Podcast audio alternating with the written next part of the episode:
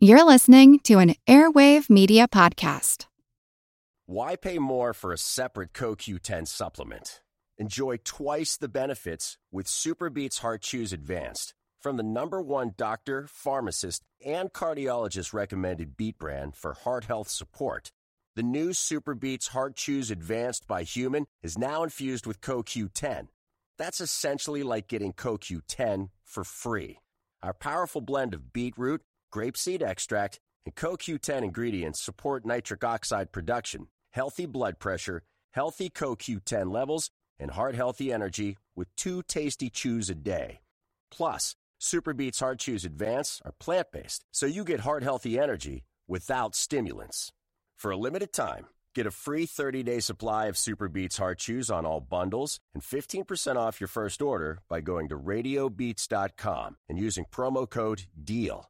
That's radio, B E E T S dot com, code DEAL. It is Ryan here, and I have a question for you. What do you do when you win? Like, are you a fist pumper?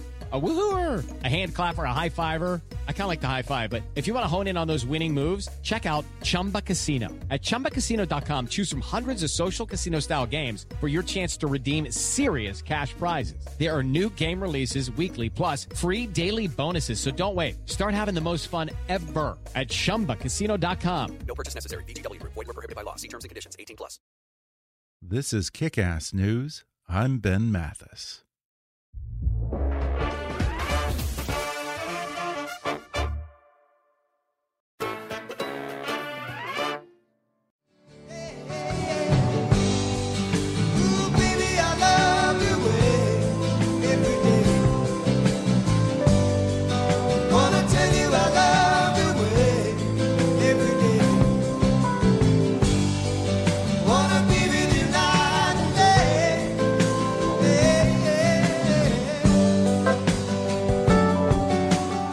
Was Peter Frampton singing Baby I Love Your Way from his album Frampton Comes Alive.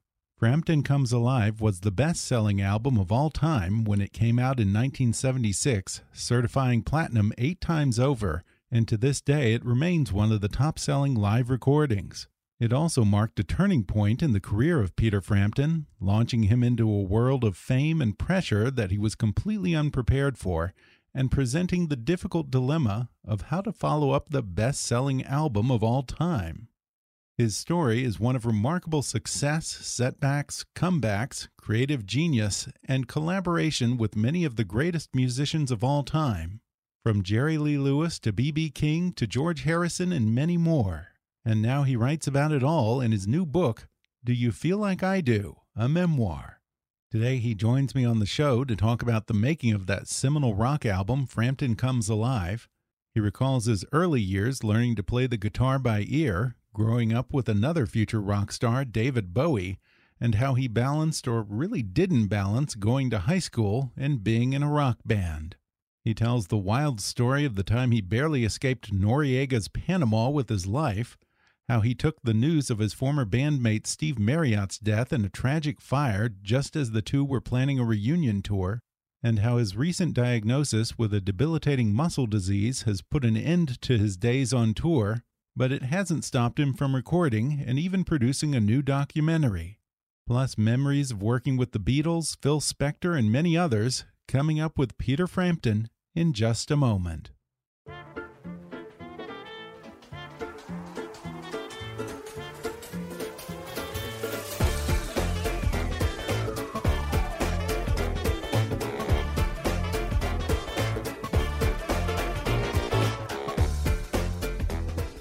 Peter Frampton is among the most celebrated guitarists in rock history. His 1976 album, Frampton Comes Alive, remains one of the top selling live records of all time. He co founded one of the first supergroups, the seminal rock act Humble Pie, and he's collaborated with such legends as George Harrison, David Bowie, Jerry Lee Lewis, Bill Wyman, and Ringo Starr, among many others. In 2007, he won the Grammy Award for Best Pop Instrumental Album for Fingerprints, and in 2014, he was inducted into the Musicians Hall of Fame. Frampton has toured with the likes of Stevie Nicks, Gregg Allman, Lynyrd Skynyrd, Cheap Trick, Steve Miller Band, and many others. Frampton's latest release, All Blues, was number one for 15 weeks on Billboard's Blues album chart. He has voiced himself on The Simpsons and Family Guy, and he's appeared on The Colbert Report, Madam Secretary, and Cameron Crowe's film Almost Famous, for which he also served as an advisor and wrote songs.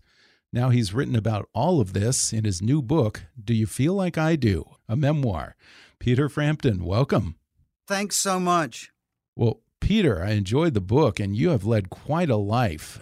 In this book, you actually tell the story of your favorite guitar as something of a metaphor for your ups and downs over the years. Uh, tell us a little bit about this black Gibson Les Paul that you nicknamed Phoenix, how it made its way back into your hands, and how it sort of mirrors your own life journey.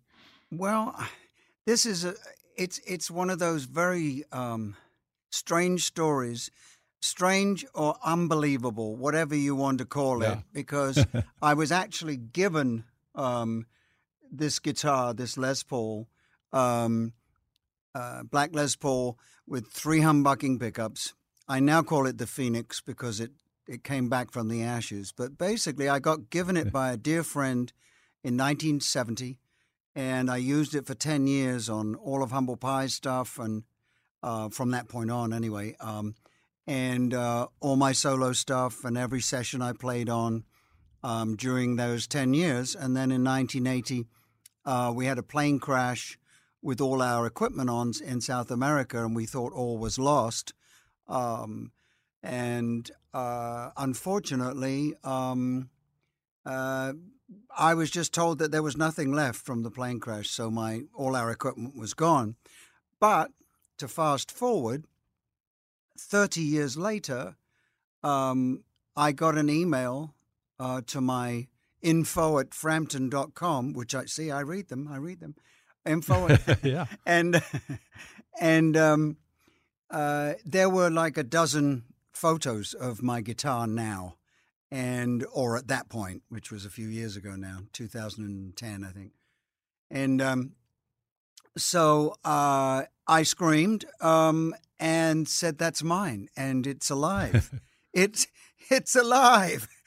And so um, it took another couple of years uh, to actually get the people that had uh, got the guitar to want to get sell it, and uh, and finally, I I two, took two more years after I first saw that it was alive, and um, a little bit of a gray area there, but basically it was on the island of Curacao, just off the coast of Venezuela, Caracas, which is where the plane crash was. So, um, and then uh, 32 years after I lost it, um, uh, it came back and they brought it to me from Curacao, and um, we filmed the whole little thing. It's on YouTube actually, because I wanted to have it on record of of it coming back into my hands.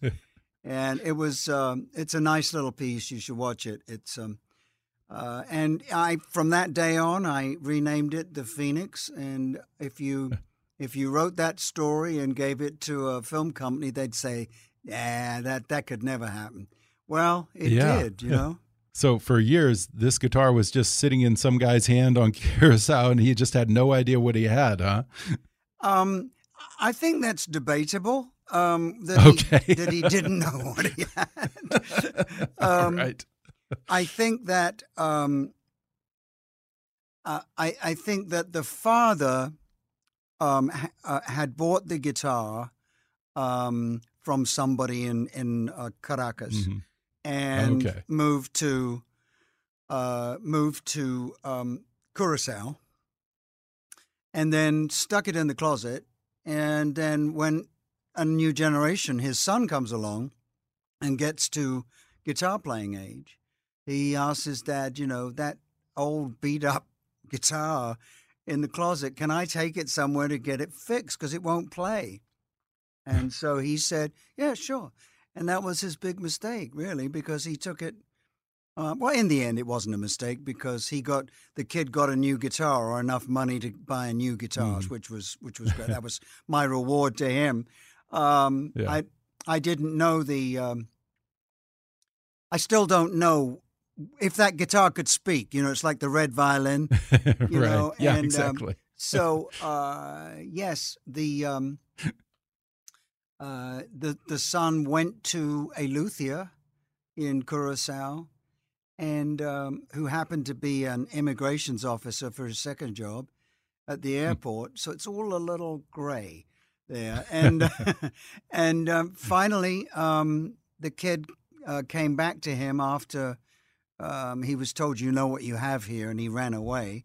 So two years later, he came back and said, "Look, um, how much will you? Uh, I want to sell it. I, I want this amount for it." And um, so that's when we started working on getting it back, and it came back to Wow. to Nashville. And related to that, you actually opened the book with this wild tale of you and your bandmates booking a gig in Panama and then barely escaping that country with your lives in, I think, 1980. And this is back in Manuel Noriega's day. Uh, uh, that's straight out of a movie, man. I have to ask you to tell that story. Yeah, well, that was all because of the plane crash. Um, so Right. we were in Caracas. We had a day off. We went to um, to Panama for our day off, and we were going to play the big football stadium there the following day. And of course, I was at lunch in the restaurant, and um, my road manager came to me and told me of the crash. And so I said, okay. Um, uh, well, we need to go to every music shop in in uh, Panama and see if we can get. We had nothing. We had no PA, no no drums, no guitars, no amps, no nothing. It was all gone. and um, so about four thirty in the afternoon, when you're supposed to have a, a sound check, all the crew knocked on my door, came in, and the the only thing that that they had that I thought was um, could have been workable was for the talk box, they'd gone to a plumbing supply and got one of those black tubes that comes out of the back of the washing machine. and it's, it wouldn't work.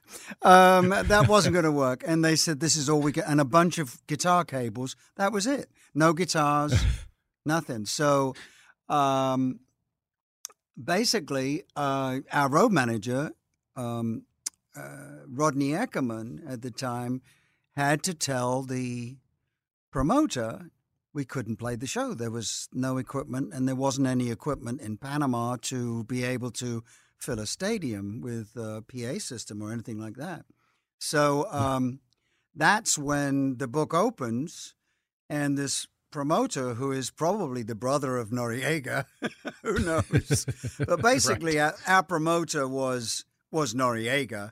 This was just his uh, Yeah. right hand man, and he he goes in and he's he says, Rodney, his name is, he's, he's sitting out by the pool, and we're we're looking out the window, listening to what they're saying from one of the the little hotel rooms, and we're watching them sit by the pool, and this promoter says to Rodney, Radani, let me tell you this. Uh, if Peter Frampton does not play the gig, first I will kill you, and then I will kill Peter Frampton. So uh, that's how the book starts. Wow. So, how the hell did you get out of there with your life?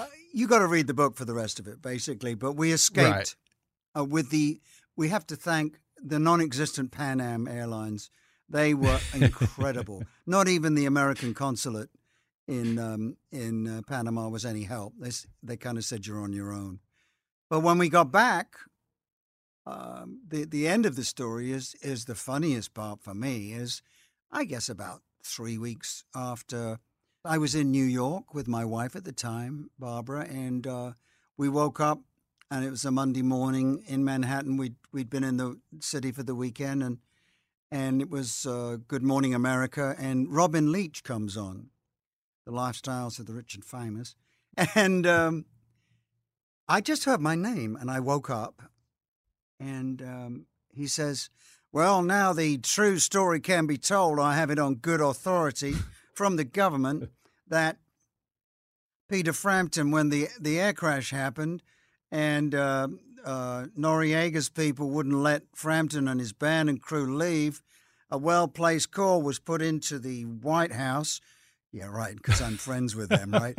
Um, I've been there once, um, and um, the- uh, CIA were told to go down there and and and get us. I don't know, SEAL Team Wow. Six, maybe. I don't know who it was supposed Yeah. to be, Unbelievable. but they came I mean, down it- and uh, and rescued us and took us back to Andrews Air Force Base, and it was all bullshit, you know. So it's like I was laughing so hard.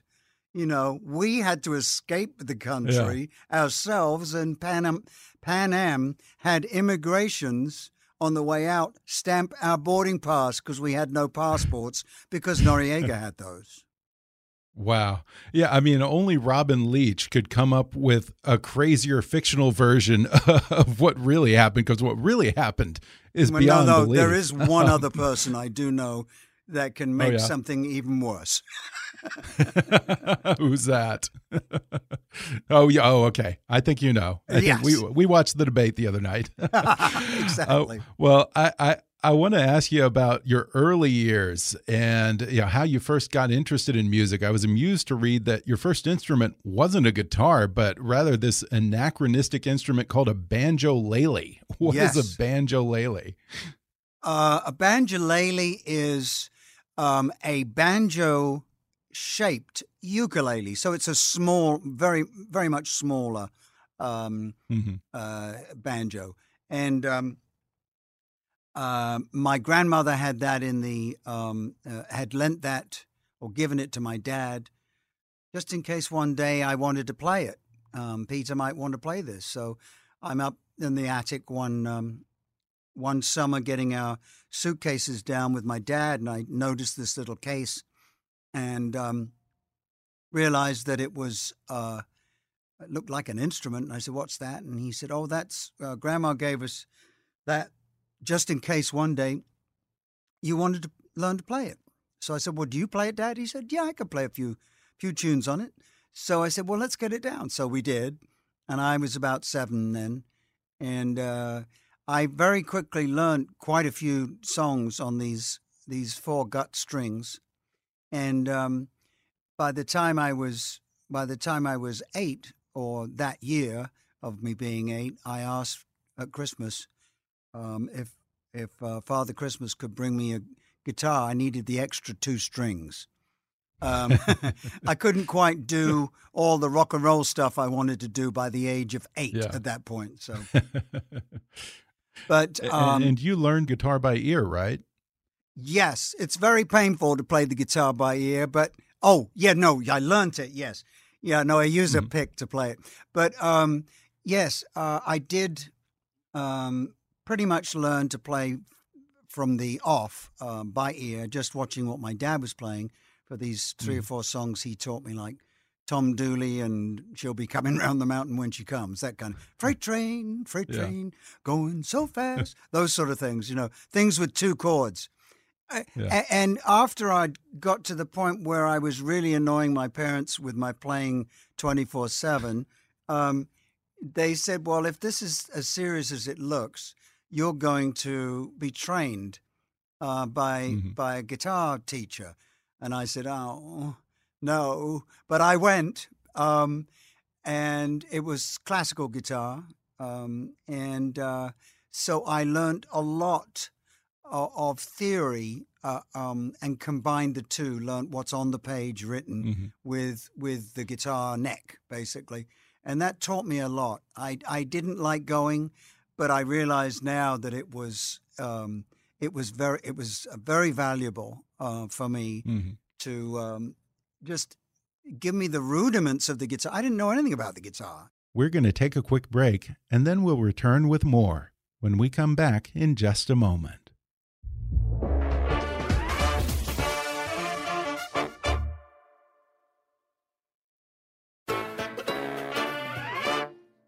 Think that you joined the Preachers when you were still more or less a kid. Uh, how did you manage school and being in a band? being in a band and being at school is uh, is not easy. uh, first of all, um, uh, I was um, I had to tell them that you know I could only play Friday and Saturday nights um, because it was a semi-pro band, but it was made up of of uh, guys from some of the top bands, uh, South London band. So it was a phenomenal band, and I was the youngest, obviously, at 14 when I joined, and um, it- was uh, well. Put it this way: my math teacher knew when I'd been. He could tell when I walked in the room if I'd done a um, a Sunday night show somewhere, and Yeah. he would then and only then give us a mental math test straight away. So, and he would look straight at me with a kind of sort of smile, you know. And of course, I failed math. but but yeah, but it paid off. You, you know, then you joined the Herd. Uh, you got to compose some songs that became hits in the UK, and you're even named the face of 1968 by this teen magazine Rave. And of course, later on, there was this famous shirtless Rolling Stone cover after Frampton Comes Alive that. Uh, I, I think you say kind of made you cringe. Have you always been uncomfortable with the media's desire to turn you into some kind of teen idol or sex symbol? Yes, but but I let it happen. You know, I Yeah. I, I could have said no to all these things, and um, I'm a people pleasing guy. You know, and without the experience of realizing, um, no one had the experience um, that I had, and um, when Frampton Comes Alive came out, because it was it was unique in its in its success. So therefore, really, only I knew. Uh, I thought that it would be best to all these managers and agents and record companies and everything. They they've had had success uh, before me, so they know much more about this than I do. Whereas uh, this was something out of the norm, um, and I should have been the one to dictate uh, what I did at that point. But I thought, well, they know better because they they've been through this before. But not, none of these people had handled anything quite this big before. So the only person that knew what to do was me. But I let it happen. So I take full responsibility. A lot of people took advantage of me um, financially and publicity wise. Um, hmm but being in my mid 20s um eh, you know i just i unfortunately went along with things that i would never do now You wouldn't do a shirtless cover of Rolling Stone now? they they wouldn't want one, oh they wouldn't want one of me now well, yeah, since you brought it up, let's talk about Frampton Comes Alive. Uh, uh, prior to that, you had had some modest success with your studio albums once you went solo. And then Frampton Comes Alive just sets the world on fire. Uh, certified platinum eight times over, becomes the biggest selling live album of all time up to then. I think it's still at like number three or something. When you embarked on that project, did you have any sense that this album was going to be a game changer for you? Um, no, uh, in a word, no. Um, we we followed the template, as I say in the book, of of Humble Pie, really, because Humble Pie had. Um, I was with them for um, four studio albums, and then the fifth Right. one was um, Rockin' the Fillmore, which was our breakthrough album, and that's when I left uh, before that came out. Um, but that was Humble Pie's first gold album, you know.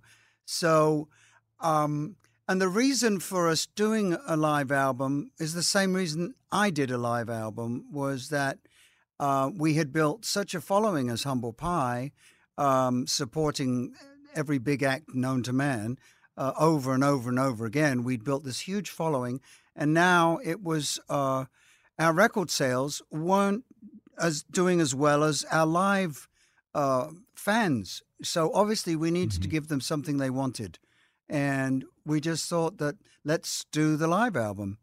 And so when it came, uh, it's a complete copy.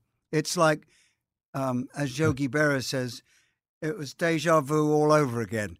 Um, when um, I had stayed with obviously A and M Records um, and management had um, uh, stayed with me after I left Humble Pie, and we'd done four studio albums, and we all looked at each other. We were at the same pitch, um, audience wise, as um, as Humble Pie was, and I just, you know, we all looked at each other. I don't think anybody said anything. We just went, uh huh, it's time. so that's that's when we released the live album. Um, yeah. And what about when you were performing those concerts that made up Frampton Comes Alive? Did you feel in the moment like something big was happening, or did you have to go right back after the concert and listen to the tracks to hear what you really had? When we came off stage um, that night, which was our first night uh, as a headliner in San Francisco, we, we, we were playing at Winterland, the Winterland Ballroom then. Mm -hmm. And um, it's about seven, five to seven thousand people. Um, wasn't wasn't even an arena size, but pretty big. Um, and um, we all knew that we had done an excellent show. Uh, we the, there's those nights, special nights where everyone in the band comes off. Usually they come off and say one person will say, "Oh gosh, I wish I could have played that." But but this this after this show at Winterland, we all came off beaming and saying, did you feel like I, you know, do do you feel like I do? um, to quote myself, and we all did. Yeah. We all felt that was like the best show of the tour so far, mm. you know. So uh, we knew that when we went to Wally Heider's uh, truck after the show, we listened to a couple of minutes of something and went, "Oh, wow, this is something special. And then we went down a week later, we were playing the Forum. Uh, I think we were uh, opening for uh, or uh, special guest with Rod Stewart at the Forum. And this mm-hmm. would have been summer of 1975. And while we were there, we went over to Wally Heider's studio and um, listened to, you know, parts of all different numbers, not mixed, just all faders up, you know, zero. It knocked us back it it virtually it didn't matter how loud it was coming out of the speakers. The power of of the the band sound and the audience sound was so huge that it was it just get, gave you chills, yeah. you know. And yeah. we just knew we had something very special. You know what I thought? I thought, wow, I think this might be a gold record. not not certified platinum eight times over, huh? No. It's interesting to me that there's no original music on that album. You're basically playing the same songs from your previous albums, and yet when I listen to a song like Lines on My Face from Frampton's Camel versus Lines on My Face on Frampton Comes Alive, it's like I'm listening to two totally different songs. How did those songs evolve between those initial recordings to what we hear on Frampton Comes Alive? I've always been things always develop with me. Um, mm-hmm. When when I start when I write a song um, and record it, um, I'm I'm always very. Well, by the time I finish, I'm happy with it and I'm doing the best I can with it. But there's a there's a different vibe when you walk on a stage that um, there's you have to leave any advice by anybody off the stage. No one's mm. with you. It's just you and the band. And there's something that happens uh, for me, the live performer in me, just I become totally uninhibited and another character comes out. Um, mm. And I become the other guy.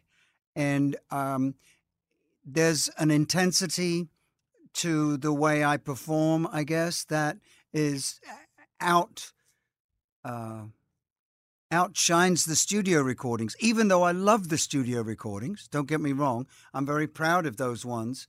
Um, but there's something about when I play live in front of an audience when it all comes together for me. And mm-hmm. um, I've never played the same solo twice. I try never to sing it exactly the same every night, whatever song it is. It's always in a constant uh, state of change. People will recognize it, but within the song, it's it's definitely it's growing every night. And in your book, you described the success of that album as something of a blessing and a curse. And I remember Cameron Crowe once said of your career after Frampton Comes Alive, quote, what happened to Peter Frampton, he got strapped to the nose cone of a rocket and shot to the moon. And when he got there, he found that there was nobody else there. That's kind of true because when you have the best selling live album of all time, there's no one left in your orbit. Where do you go from there? You're essentially competing with yourself, right? Yeah. Well, at the time, it wasn't just the biggest live selling album, it was the biggest album in the world. Um, oh, right. Yeah. Biggest seller because we had. Um, there's two two phone calls I got from Dee Anthony, my manager. One was um, uh, when it went to number one, the album went to number one, and I was just over the moon. And then um, I don't know how much longer it was, a few weeks, maybe a month, month or two. I got another call from him and he said, Are you sitting down? And I said, Again? And he said, Yes. and he said, Well, you've now outsold Carole King's Tapestry. You're now the biggest selling record of all time. So um, that's wow. when I got very scared because now it's something that I've got to compete with. Um, and I knew I had lost before I started because this album had six years. You mentioned that these are not brand new songs that I've written. These are songs that I've written over the last six years. One from Humble Pie, a cover from the Rolling Stones, and then yeah. all the others were the pick of the litter from all my previous solo records. Um, so it took six years to write that material, and I knew that they were going to ask me to put out a new record um, sooner than I would want to. So it was um, a very, very scary period for me, and the I'm in You album should not have been made when it was so close to um, uh, still this behemoth uh, Frampton Comes Alive is still in the top 10 at this point, you know. And um, right. there was no reason to release anything for a couple of years, you know.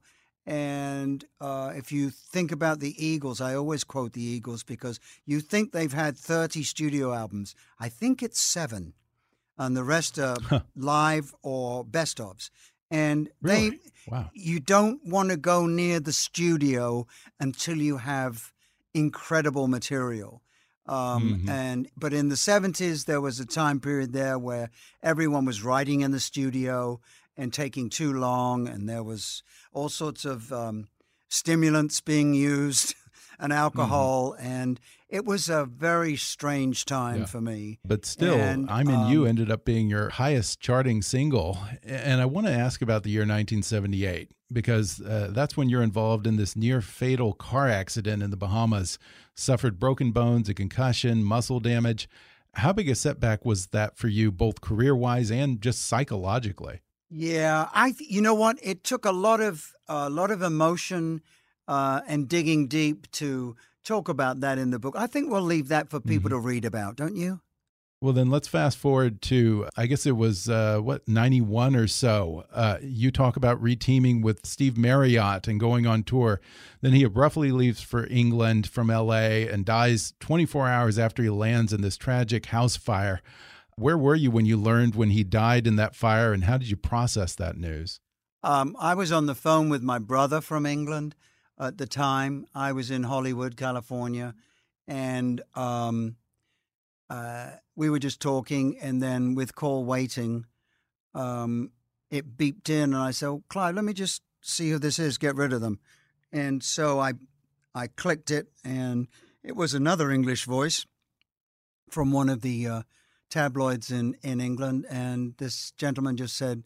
Uh, is this Peter Frampton? I said, yes he said, "Well, how how he got my number, I don't know, but um, those Brits. Um, oh, I'm British. That's right." Um, and he said, um, uh, "Have you heard the news?" I said, "What?" He said, "About Steve Marriott." I said, "No, what?" He said, "He was killed in a in a fire last night in his house." And he said, "Do you have any what what do you have a comment?" I said, "No, I don't right now." And I got rid of him and clicked back to my brother, told him, and said, I got to make some phone calls, Clive, so find out what's going on. But that was devastating, obviously, because I really did believe that we would have got back together again. Um, we were like brothers, the Mick and Keith syndrome.